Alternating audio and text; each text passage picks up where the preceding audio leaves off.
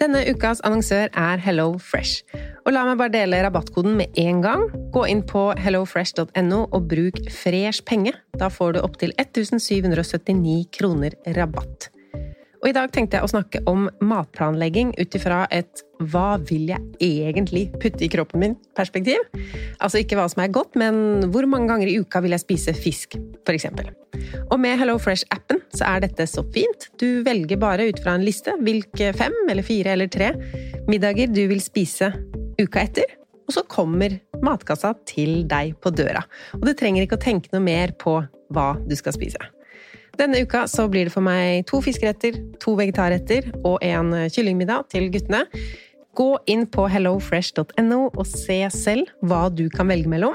Bruk koden FRESHPENGE for å få opptil 1779 kroner rabatt på de første seks matkassene dine, pluss gratis levering på den første kassa hvis du ikke har prøvd Hello Fresh tidligere.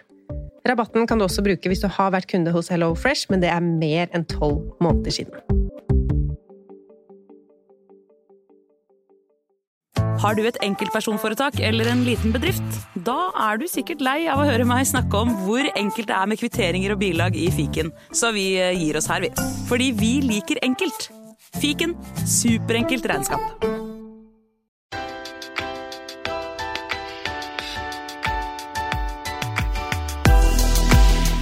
Velkommen til Pengesnakk podkast. I dag skal vi snakke om skatt. Og skatt er jo et av de temaene innen privatøkonomi som jeg kanskje interesserer meg eller bryr meg minst om. Jeg har bare tenkt at skatt er skatt, og den eh, skatten trekkes, og det er som det er. At det ikke er noe jeg får gjort så mye med.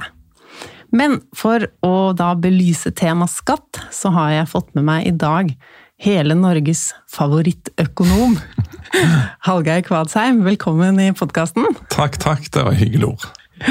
Ja, det er jo sånn hvis jeg spør følgerne mine hvem er det dere vil ha som gjester i podkasten, så er det ofte ditt navn som dukker opp. Ah, ja, det var jo veldig hyggelig. Eh, men tema skatt dukker ikke så ofte opp, men jeg tenker allikevel at det er et eh, fint tema, for det er mye vi sikkert bør og skulle visst om skatt som vi ikke gjør. Mm. Og alle betaler jo skatt, iallfall de fleste uh, som har vanlige lønninger. Altså. Så er det noen heldige kanskje som tjener veldig godt, som kan planlegge seg ut av det. Men stort sett så må vi jo da forholde oss til skatten, ja. Eller hvis man tjener veldig lite. Mm. Hvordan er grensene? ja, vi gå rett inn i tallene? Ja, da slipper en også, for så vidt. For det er jo en uh, Bare for å ta det, så er det jo da en uh, skattefri grense for for, for arbeid som er frikortgrensa, som jo er 60 000 kroner. Som, eh, som, er fritatt ikke bare for skatt, men også for uh, trygdeavgift. Altså. Så da eh, beholder du alle pengene selv, hvis du tjener under 60 000 Hver krone beholder du selv, ja. i året? Um, den er vel sånn teknisk sett lett, litt under 60 000, men siden han ikke um, Kemneren da krever inn skatt som er under uh, 100 kroner, grensen er da satt som det. er. for skatt med 99, så, så vil jeg si at, uh, at du kan tjene opp mot 60 000 blank uten å betale skatt, ja. Og så er det jo også sånn andre grenser som gjør f.eks. at uh, altså andre grenser, skattebegrensningsregler for pensjonister, som gjør at du også kan ha en høyere, langt høyere pensjon da, enn 60 000 eksempelvis. Men da må du jo være klassifisert som pensjonister. Ja. Og skatt betaler vi jo for at alle skal bidra til velferdsstaten, mm. men regninga vår er jo ikke lik. Noen betaler mye skatt, og andre betaler mindre. Og mm. hvordan veit man hvor mye skatt man skal betale? Ja, da kan du jo eh, Altså enklest egentlig å gå inn på en sånn skatteberegning hvis du vil ha det nøyaktige svaret. Så går du inn på Du kan google det, skatteberegning. Eh, så får du opp en kalkulator som skatteetaten sjøl eh, hvert år reviderer. I forhold til det da eh, nye satser, nye tall, nye regler.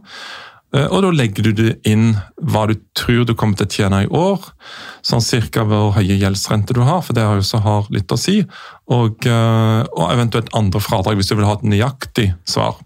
så får du ut hvor mye du skal betale inn skatt. og Da blir jo den skatten delt på din eh, inntekt, da, som, som, sier hvor mye i snitt du betaler i skatt.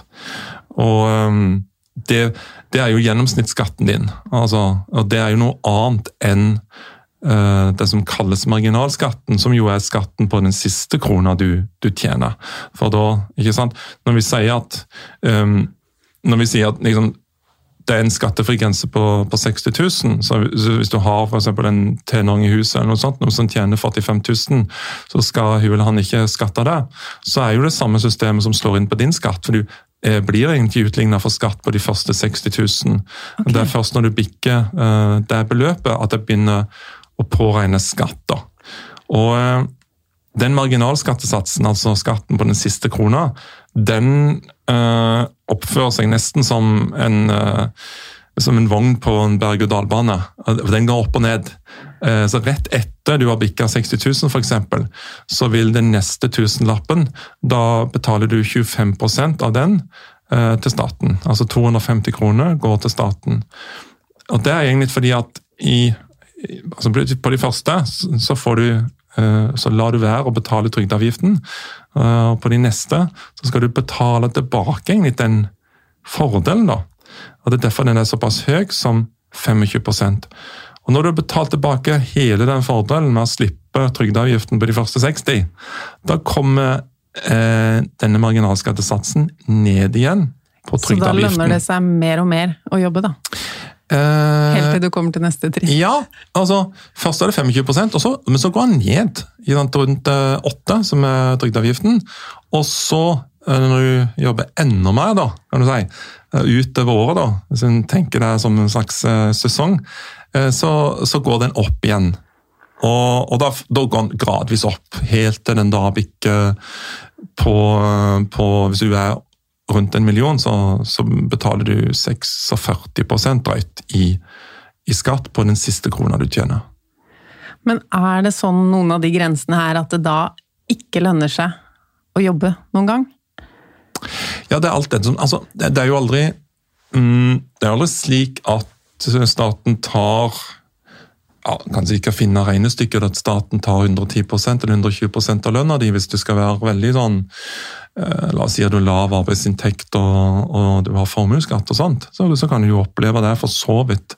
Men eh, for de fleste så, så, er det slik at de beholder mer enn halvparten av lønna sjøl. Men det er klart at hvis du er da så heldig at du tjener over en million, um, og få spørsmål om La oss si at du jobber uh, som, som, lege da, og uh, får spørsmål om du skal ha en ny vakt. Mm det er jo ofte godt betalt, men um, hvis du allerede da vet at du kommer til å tjene over en million, så vil det jo si at det du sitter igjen med, er jo bare halvparten. Um, så da er det jo en vurdering om hvor høyt du verdsetter den tida som, uh, som du bruker. Uh, og, da, og, da, tenker jeg det er litt viktig, fordi jeg, jeg syns ofte at folk blander dette litt for mye sammen og tenker at ja, mm, toppskatten, altså den, den, som før het toppskatt, er 46 ja, altså, Jeg betaler 6 Nei, men du gjør ikke det på hele lønna di. Du betaler et snitt som kanskje er 30-33 Det er bare på den siste krona at du betaler opp i 46 Hvis du er så heldig altså, du betaler, altså, tjener over en million. Men hvis du da kan ta den vurderingen skal jeg ta den vakten eller ikke? Da er det jo relevant å, å trekke fram marginalskattesatsen. Det er ikke sikkert du vil det. Og um, noe av det mest, så er det jo sånn kombinasjoner da, som litt, uh, kan være ekstreme. F.eks. hvis du er student, så får du jo uh, støtte fra Lånekassen. Den får du i første rekke som et uh, lån på rundt 126 000 hvis du er fulltidsstudent et helt år. Men i etterkant så blir jo rundt 40% av det gjort om til et stipend hvis du uh, blir ferdig med, med, graden din. Og stipend er jo gull verdt, ikke sant? fordi det er jo gratis penger. Ja, gratis penger, ja. ja. Men øh, hvis du da har tjent litt mye et år, samtidig som du får studiestøtte, og grensen er for så vidt såpass høy som 195 000, det er ganske mye du skal jobbe, men, øh, men den inntekten er totalinntekten din, så her er det også eventuelle renteinntekter, eh, fondsgevinster, andre inntekter som du kan ha et løp av et år, som kanskje beløper seg til over 195 000. For hvis du da bikker det nivået der, så vil stipendet ditt gradvis reduseres. Så det gjelder rett og slett et inntektstak på, eh, i Lånekassen. Uh, er du oppe og tjener rundt 220 000, eller noe sånt, noe, så, så, får du for det første altså redusert stipend, og du betaler jo naturligvis skatt på de nivåene. Du er langt over frikortgrensa. Så i realiteten, da, har regna på, så beholder du bare eh, 25% av eh, lønna sjøl. 75% går bort i form av stipendkutt og skatt. Ja. Og da, da, er det virkelig slik at når du kommer ut i november-desember, kanskje drar hjem, skal jobbe, mm, får spørsmål om du skal jobbe ved den lokale bensinstasjonen eller på Power, da kan du kanskje si nei hvis, liksom, hvis du tenker at det er 25% bare 25 av hundrelappen du får inn, beholder du sjøl. Så det kan gi noen ganske ekstreme utslag også. Mm. Men den skatten som blir trukket av lønna, mm. kontra den skatten som vi faktisk skal betale, det er jo ikke akkurat det samme. Nei. Og om vi driver og trikser litt med skatteberegninga, og så plutselig sier han at nå er det tabelltrekk. Mm. Ja, altså hva, hva du til slutt må betale? Ja, fordi mm. man tenker jo kanskje at å nei, nå trykka jeg på noe ja. feil, og så plutselig ja. blir det trukket så mye av lønna mi, da mister jeg jo masse penger. Ikke sant? Altså Folk blir stressa av det. Ja. Det må jo være riktig, for hvis ikke så betaler jeg altfor mye skatt. Slapp av. Det er jo slik at du får tilbake de pengene hvis du betaler for mye. Og hvis du ikke har betalt nok da, i løpet av et år, si at arbeidsgiver har trukket deg for lite, eller eksempelvis det er noen som velger for å ha prosenttrekk. Sier f.eks. ok, jeg skal bare betale 25% av lønna mi inn til staten, og så viser det seg det at nei, i snitt så burde du betalt 30% ja, så må du betale en restskatt. Eh, men det må du gjøre neste år, da. Det, for de fleste så går det, an, går det greit, men hvis det er klart hvis det er en høy restskattregning, så kan det være vanskelig å planlegge. Men øh, poenget er bare at når skatteoppgjøret, når du leverer skattemeldingen, og eh, staten ser på først sant, hvor mye har du tjent, og så hvor mye har du betalt inn i løpet av f.eks. 2020, og regner på, på den differansen, så har du betalt inn for mye, og så får du det tilbake. Så det er ikke, ikke, noe stress sånn sett. Eh, det er bare hyggelig å få tilbake penger, men, uh, men, men, men, mange er redd for å gjøre en feil i den forbindelse. Men du, du kan ikke bli Du kan ikke gjøre Du vil ikke bli straffa for en feil begått ved beregning da, av den skatten som blir trukket på deg i løpet av et år. Du får jo bare enten det gode eller restskatt. Mm. Og samme hvis man tenker at jeg vil jobbe masse i november, for ja. det er jo halv skatt i desember. Ja. det er jo et halvt skattetrekk, ja, det er det. ikke Nei, faktisk det, skatt. Det lønner seg heller ikke, sånn sett. Det, det riktige svaret kommer gjerne på, på skatteoppgjøret neste år. Fordi de som har flere arbeidsgivere, da skjer jo mm. gjerne det at med den arbeidsgiver nummer to, så trekkes halvparten i skatt. Ja. og da ikke... tenker man jo at det lønte seg jo ikke. Her skulle mm. jeg være flink og skaffe ekstra inntekt, og så ble det veldig mye skatt. Det er riktig, det. Men igjen, da. Normalt sett så vil du få tilbake penger på skatteoppgjøret neste år hvis det blir trukket 50% for det har jo vært sannsynligvis altfor høyt. Med mindre du allerede er oppe da og som, ja, Hvis du tjener over en million, uh, så, så, er det jo for så vidt riktig at du skal betale nesten 50 på den neste krona du, du, tjener. Men hvis du er på mer normale nivåer, altså type 400 000-600 000, noe der, og du tar en ekstra jobb, eller du har enda en arbeidsgiver, eh, så vil nok den riktige skattesatsen for deg um, på den ekstra krona du tjener, ligge i underkant av 30 men eh, Kan man gjøre 50. noe med det, da, eller må man vente helt til skatteoppgjøret neste år? Eh, du kan gå inn og regulere dette sjøl, eh, og det er en ganske enkel prosess. Du går ja, altså Jeg heller alltid istedenfor å huske alle disse um, um, altså nettstedene, så bruker jeg Google og skriver eh, 'endre skattekort', og så kommer du inn, da. Google finner fram. Ja, ja, du kommer fram. Som regel er det annonse for Bank Norwegian først, uansett hva du gjør i, i, i virtuelle verden, eller for trankapsler. Men, uh, Men du kommer iallfall til skatteetaten, da, og, eller Altinn. Og der kan du gå, logge deg inn med BankID og endre dette. Da står det hva skatteetaten tror du skal tjene, og hvilken arbeidsgiver du, de tror du har, og så kan du fordele dette.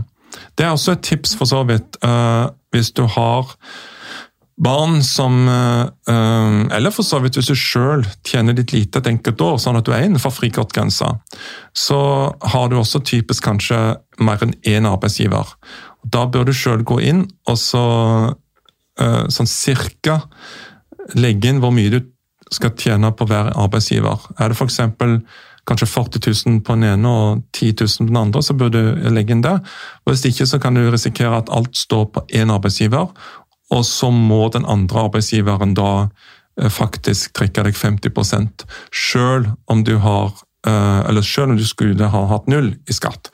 Igjen, det er ikke noe stort stress, du får de pengene tilbake på skatteoppgjøret, men jeg tenker Spesielt for ungdommer, eh, skoleelever, studenter, som kanskje har litt mer strammere budsjett, så er det selvfølgelig øh, kanskje lurt å ha et øh, mest mulig korrekt skattetrekk. Altså at det ikke blir trukket for skatt når du da jobber. Det er iallfall det de ønsker sjøl, ofte. Hvis man øh, syns at man betaler for mye skatt, eller denne legen da, som har regna på det og ikke syns det er verdt å ta den ekstra vakta, er det noen måte man kan tjene penger skattefritt? Ja, masse. Ja. Oi, ja, ja, ja. Det er så, det er så mange uh, muligheter her, altså, Lise, at jeg vil ikke tro det. Du kan sanke bær, f.eks. Det er jo en mulighet. Uh, nei, altså um, Hobbyinntekt, f.eks. Det er jo skattefritt. Uh, så er det jo litt vanskelig å definere akkurat hva som er hobby, og hvor høyt den inntekten kan være. Der er det jo gjort f.eks. noen unntak for uh, bærsanking. Uh, gudene vet hvorfor akkurat det er trukket fram, men det, det, kan være fordi at det liksom er en kutyme fra tiår tilbake, der en uh, kanskje baserte mer av inntekta si på, på, jakt og sanking. Der er det iallfall et, et unntak. Og så er det jo også gjort et unntak for småjobber. Hvis du kan uh, male huset til f.eks. naboen eller onkelen din, hvis du kan passe barn, hvis du kan uh, luke, måke snø, sette opp en levegg, legge en terrasse, ja, så kan du motta inntil 6000 kroner fra hver oppdragsgiver. Det er noen forutsetninger her. For det første så må det være i private hjem og hytte. Du kan ikke gjøre det samme for en bedrift. Um, og så er det jo en grense på 6000 per oppdrag. Og så kan det heller ikke være i næring, som det heter. Altså Hvis du er en tømrer eller en snekker, så kan du ikke legge den terrassen selv om det er bare 6000 for det ene oppdraget, og få det skattefritt. For da jobber du allerede som snekker da, eller tømrer. Eh, og eh, hvis du har det er ikke krav om at du må ha et fagbrev, eller noe sånt, men hvis det er det du driver med som næring, så kan du ikke gjøre dette. Men øh, øh, hvis du f.eks. er en som er flink til å snekre, da, men du jobber primært med Ja, du er lærer, eller du øh, driver en helt annen virksomhet, så kan du jo snekre. For naboen eller for andre, men bare begrense det til 6000 kroner per oppdrag. Og så er det jo da også litt sånn Hvor mange slike oppdrag kan du ta? Da har skatteetaten tidligere sagt til meg at um, en grense på ti oppdrag, altså 60 000 totalt, kan nok være innafor. Ja. Men så har jeg fått noen sånne innvendinger uh, fra når jeg har sagt dette offentlig fra eh, folk som, og skatteadvokater og skattejurister som sier er du, helt, er du helt sikker på at de ikke vil reagere? Mm. Fordi at Hvis det er slik at dette blir gjort i veldig sånn organisert form, du tenker deg at du, eh, du, du eh, ja, du, du, du, lager nærmest en næring ut av disse småjobbene uten egentlig å gjøre det rent sånn organisatorisk. Men hvis jeg begynner å vaske hjemme hos åtte familier, så har jeg jo egentlig et vaskefirma. Ikke sant? Selv om du ikke har et vaskefirma. Ja. Så det, det, er mer der, tror jeg. Mm. Hvis du derimot kanskje Uh, bytte litt på hvilken type jobb du har. altså Du vasker hos noen, du snekrer hos andre, du maler hos uh, en uh, tredje oppdragsgiver. Så er nok dette mer innføre. Generelt så er det jo sånn også at hvis du er i tvil om noe er skattepliktig eller ikke, så opplys gjerne om det i skattemeldinga, men ikke sett det i beløpsposten for den inntekten du er i tvil om. For da blir det nesten garantert skattlagt. og Det er fordi at det ofte blir gjort maskinelt, en slik type uh, vurdering. Men opplys om det i skattemelding, altså legge ved et ark da, uh, elektronisk i skattemeldinga uh, når du leverer den. Hvis du er i tvil. Men for de fleste så er det jo ja, kanskje snakke om langt færre oppdrag enn en ti, og da kan du tjene opptil 6000 kroner per. Og Så kan det være smart også, hvis det er et litt større oppdrag eh, som du kanskje skulle fakturert 10 000 for, så kan du jo begynne med det rett før jul. da, Og fakturere 6000, ja det er jo helt lovlig. 6000 før jul, og så 4000 etter nyttår. Så får du jo ikke sant, lagt eh, det innenfor skattefri beløpet på hver side av året. Da er det greit. Ja. For det lurte jeg jo på. om man, Er det sånn med skatten at man kan få gjort noe som er ulovlig litt sånn uten å mene det? Hvis man tenker i romjula, burde jeg fjerne ja. noen penger herfra og derfra for å ja, det, det, mest vanlige da, hvis du snakker om akkurat uh, tilpasninger rundt jul, det er jo mange som uh, ja, tror, Det virker som det fortsatt skjer. Folk tar ut store beløp uh, fra um, konto rundt jul rett før nyttår, og sette det inn igjen rett over nyttår. For å spare formuesskatt. Ja, for det er jo den saldoen som er Ja. 31.12. Det er den datoen, det sekundet, altså når nyttårsrakettene fyker i været, det er da eh, det er det som avgjør om du skal betale formuesskatt eller ikke, egentlig. Men, eh, men det er jo da ulovlig. I, eller sagt på en annen måte, de pengene har ikke forsvunnet. Det er jo fortsatt der, og de er jo kontanter. Hvis du da går uh, the hard way med å putte penger ut fra banken, ta de med hjem, gjemme de under madrassen din, som noen faktisk gjør hvert nyttår, så er det likevel uh, kontanter som skal føres opp i skattemeldinga. Uh, og så da blir det en skatteunndragelse som du kan risikere en bot for. Men når det gjelder akkurat det, så må en også gjøre oppmerksom på at Fribeløpene for formuesskatten er ganske høye.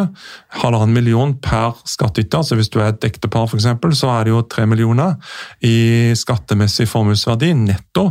Sånn at jeg tror at en del av de som gjør nettopp det, tar ut penger fra eh, kontoene sine i, i, banker, de gjør dette mot bedre vitende. De hadde ikke vært nødt til å betale formuesskatt åkke som, da. Eh, men det beløpet for formuesskatt Mm. Eh, det er jo eiendeler som vi tenker har høy verdi, som huset vårt f.eks., mm. som i skattemeldinga har lav verdi. Ja, det er helt riktig. Hvorfor er det sånn? Um, ja, det er et godt spørsmål, egentlig. Um, det er jo for Altså, når det gjelder akkurat den boligen vi sjøl bor i, så har det nok sannsynligvis en bakgrunn i at du skal skjerme akkurat den, den boligen uh, vi har som vi primært bolig. Derfor det heter også primærbolig. Mens andre boliger med eier, f.eks. Altså, bare for deg, primærboligene blir verdsatt til 25% av den virkelige verdien. Så har du et hus som er verdt 10 millioner, så vil det i skattemeldinga stå 2,5 eh, millioner i skattemessig verdi. Uh, har du sekundær bolig? Bare et litt spørsmål. Ja. Hvis det i skattemeldinga står sju millioner. Ja. Kan jeg bare klusse over og skrive inn hva jeg mener, eller må jeg ha noen slags takst eller papirer på det jeg mener er den reelle verdien?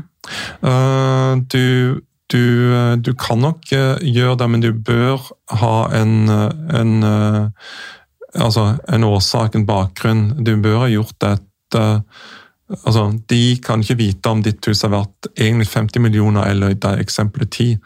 Så du må jo ha noen som kan Eller du må jo ha øh, en dokumentasjon da, på at den øh, er verdt uh, eh, 10 millioner. Det, det, bør du ha, ja.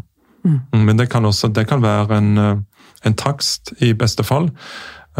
men det kan også være en, en prisvurdering fra en, en eiendomsmegler, som du eventuelt bør legge, legge ved. Det er jo slik at noe i skattemeldinga um, pålegges et dokumentasjonskrav, altså når du leverer inn skattemeldinger. Men faktisk veldig mye er slik at du eh, ikke trenger dokumentere det der og da, men du kan bli nødt til det hvis du får en etterkontroll. Så du bør jo ha gjort det, men det er ikke sikkert nødvendigvis du må legge det ved. da. Så eh, alle disse tingene står jo ofte også ganske godt forklart når du går inn i posten f.eks. på det som står for din bolig. Hvis det står eksempelvis 7 millioner, og du går inn der, så vil du ofte få en sånn pop-up eh, der det står forklart fra skatteetaten hva du må gjøre hvis du eh, vil ha en endring. Der har de tatt teknologiske sjumilssteg, vil jeg si. Det vil jeg virkelig berømme skatteetaten for å ha lagt inn så mye og ekstra god informasjon når du skal fylle inn postene dine. Når noen sier at det lønner seg å ha gjeld, eller at de ikke vil betale ned hele billånet sitt f.eks. For eksempel, fordi det lønner seg skattemessig. Mm. Er det ja. noe i det, eller er det på jordet? Nei, det er bare en seigliva myte. Ja. Jeg er litt usikker på hvor den egentlig kom ifra. Um, men det er riktig, det. Fordi at uh, mange vil beholde litt av lånet sitt igjen, selv om de kunne ha kvittert ut alt. Fordi de har hørt at det er fordelaktig for de får dette fradraget som de ellers ikke ville fått.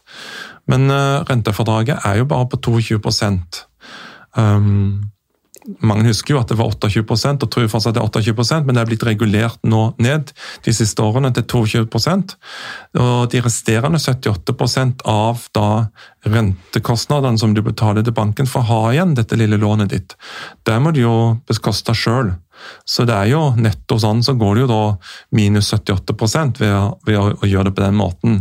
Um, ja korrigere meg sjøl litt. da, det er klart at uh, Du kunne jo da, du har jo kanskje disse pengene stående på en, på en sparekonto, så du får noe rente. Så det blir ikke så ille.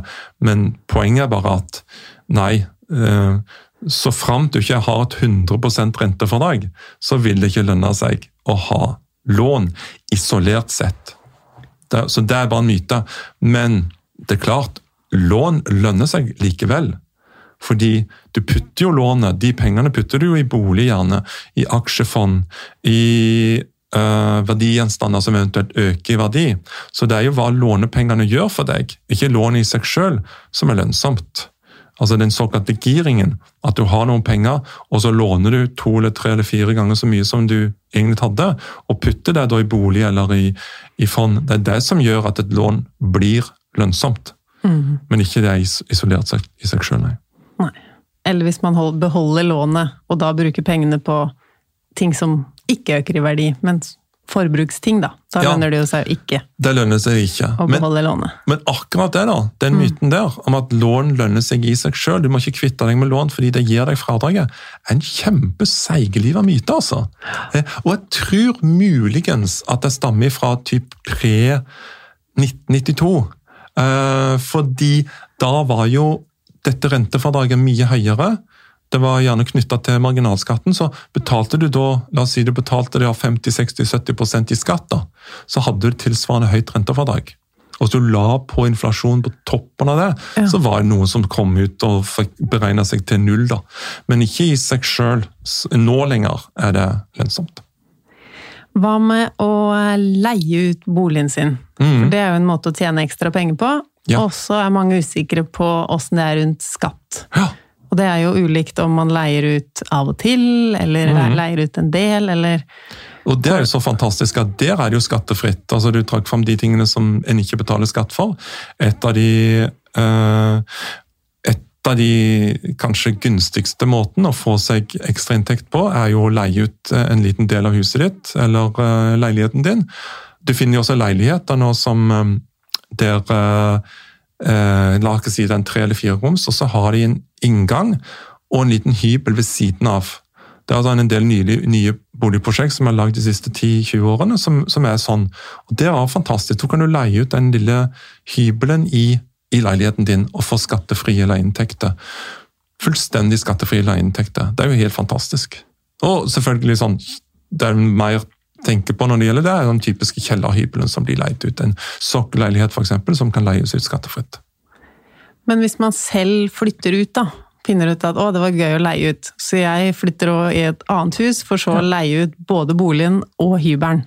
Mm. Da må man skatte av både hybelen og Ja.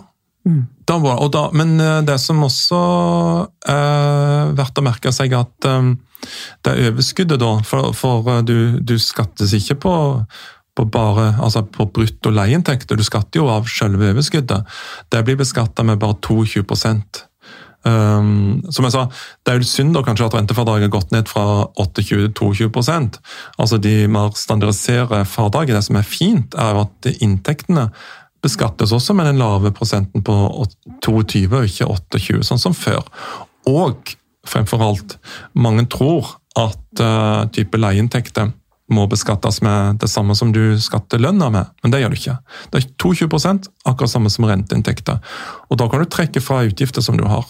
Altså strøm, selvfølgelig, hvis det er du som bekoster det, ikke leietaker. Eh, forsikringer, kommunale avgifter. Hvis du må f.eks. dra til Hvis du bor i en annen by da, og leier ut en leilighet i Bergen, da kan du få trekke fra kostnader ved å, ved å reise dit for å passe på den leiligheten. Hvis du skal, f.eks. det er en leietaker som flytter ut, og så må du kanskje bort dit for å ordne og styre litt. Og, og, og, og skifte en panelovn eller hva vet jeg. Du kan trekke fra kostnaden med å dra dit.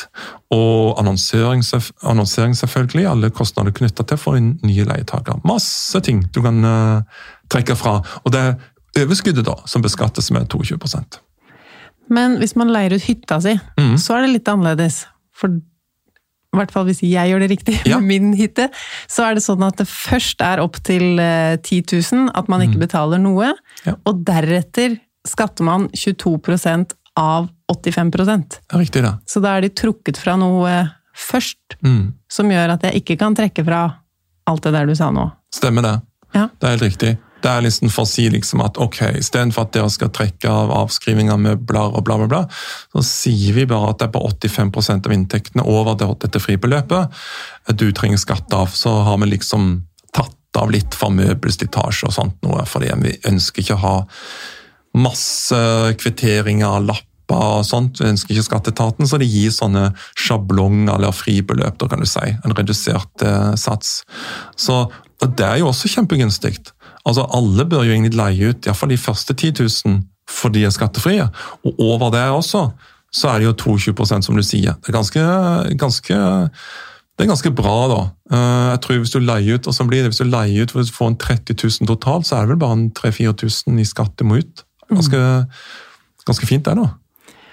Og hva med investeringer? For det er en av motargumentene jeg noen gang får mot å investere. At eh, nei, jeg vil ikke gjøre det, for da må jeg jo skatte. Ja.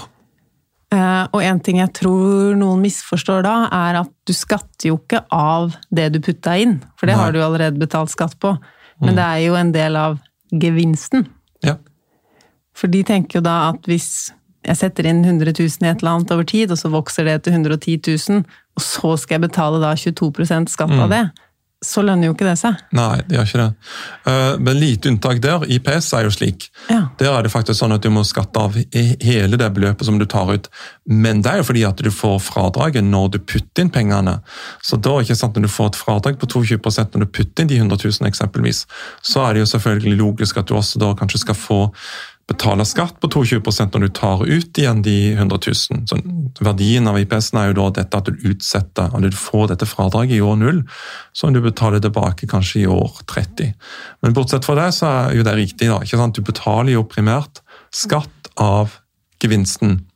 Uh, og, og, der er det litt forskjell, da. Har du renteinntekter, f.eks., så betaler du 22% Har du aksjegevinster, uh, eller aksjefondsgevinster, så betaler du opp mot 31,68% for, på, på, gevinsten. Um, og uten at vi skal liksom gå for uh, dypt ned i tallene på, på den materien der, uh, så, så vil den egentlige skattesatsen for de gevinstene som regel blir noe lavere, fordi at du får noe som kalles et eh, skjermingsfradrag. Ja, Hva er egentlig skjermingsfradrag? Ja, Det er rett og slett at uh, en sier at du skal ikke betale skatt av den uh, risikofrie renta. Altså det er noe renta du på en måte skal slippe å betale skatt av uh, når du sparer i f.eks. Aksjefond. Og den eh, skal da legges på for hvert årsskifte du eier dette fondet. Så og dette, det er fordi alternativet til å investere i fond hadde vært Ja. å hatt dem på en bankkonto med Ja. den renta? Er det det en som er plass, tanken? Ja, en plass putter du, ville du putte pengene, Ja. og da sier staten ok, men da definerer vi en, en skjermingsrente, en risikofri rente. Og akkurat uh, nå de siste årene har den vært veldig veldig lav. Så det betyr at uh, det du da betaler i skatt når du da en gang selger aksjefondene, ikke er så fryktelig langt ifra 31,68. Men uh, hvis du har eid de fra type 19, ja, la oss si 2005 eller 2010, og der har vi også hatt perioder med noe høyere rente, så kan det nok være at eh, den effektive skattesatsen på, på det du da selger i dag, kanskje er nede i ja, jeg har ikke, ikke finregnet på dette, men la oss si da bare 5-26 eller noe sånt. En plass mellom 22 og 31 da. På grunn av dette som kalles skjermingsfradrag. Men, eh, men dette er ytterpunktene, da. 22 på rente og 38,68% på da eh, aksjefond og aksjegevinster. Og helt til sist, den skattemeldinga. Nå er det en stund til den kommer nå, men er det noen ting du ser at mange glemmer, eller har du et par tips eller én viktig ting når vi skal eh, se gjennom denne skattemeldinga om alt stemmer? Ja, det, det som kanskje er mest sånn øh, allmenn, tenker jeg, når det gjelder iallfall på fradragene, er muligens foreldrefradraget. Ja. Fordi der får en jo alle som, eh, som har barn under en viss alder, så får en i utgangspunktet f- i- trekke fra inntil 25 000 for, for det første barnet, og så, så er det 15 000 per påfølgende barn. Eh, og der er det jo en del som, som glemmer at det Altså noe av det fradraget blir rapportert inn på dine vegne av skole, barnehage osv. Altså, barnehageavgiften for eksempel, blir jo gjerne rapportert inn av skolen eller, eller barnehagen. Uh, SFO, eller aktivitetsskolen, det du betaler der, blir også gjerne rapportert inn. Men uh, det er ikke sikkert at du da fyller opp hele kan du si, fradragsmuligheten på f.eks. 40 000 eller 55 000 for tre barn. da. Og da kan du fylle på sjøl, hvis du har ekstrautgifter til pass og stell. Det er typisk det du betaler til barnevakten, for selv om hun eller han ikke betaler skatt av det, for det gjør en jo normalt ikke, fordi det er kanskje nabogutten eller nabojenta som passer på, og det er innenfor frikortgrensa eller innenfor disse skattefrie småjobbene som jeg snakker om, så, eh, så er det likevel penger som du kan ha eh, fradragsrett for. Eh, Det er også kjøring til og fra barnehagen hvis det er en omvei. Eh, Og det er klart, nå når vi har vært gjennom en, eh, pandemi Altså det er omvei til jobb, da. Men når vi har vært i pandemien og mange har jobba hjemme, så har de, så har de, ikke sant, de, har ikke, de har ikke levert barna, barna på barnehagen på vei til jobb. De har eh, dratt kanskje eksplisitt, altså, eller ens ærend da, til barnehagen ja, og tilbake. Ja. Og det kan du trekke fra. Det er vel uh, Jeg glemmer sånt. Er det 1,55 per kilometer for Ja. 2021? Men gjelder blir- det uansett, da? For da er det ikke noen faktiske kostnadene Nei. hvis jeg har en bensinbil eller Ja. en ja. Helt riktig. Eller elbil. Det er uansett. Så, men det er jo da gitt at du har igjen noe på dette fradraget. kan du si. Men det har jo eksempel da, La oss si at du har to barn, øh, men du fikk det barn nummer to i november. Spedbarn. Du har ikke noen kostnader knytta til det, men du får likevel et fradrag på inntil 40 000 fordi du har to barn per 31.12. ja så Det dette gjelder jo faktisk meg. Ja, ikke sant? så fordi han store går i barnehagen. Ja. Så har du da uh, inntil 40 000, selv om alle kostnadene uh, ved, ved dette fradraget altså, stammer fra det eldste barnet, Ja. faktisk. Greit å vite. Takk Mhm. for eh, gode tips i dag, Hallgeir. Vi blei litt klokere på skatt. Det håper jeg. Og et siste tips fra meg i dag. Gå inn på eh, Hallgeir sin nettside pengeverkstedet.no. Noe av det nyeste Hallgeir skrev opp der, var når skal man investere i fond kontra betale ned på boliglånet? Det er en sånn sak jeg ofte får spørsmål om, så jeg regner med mange vil inn og lese den artikkelen.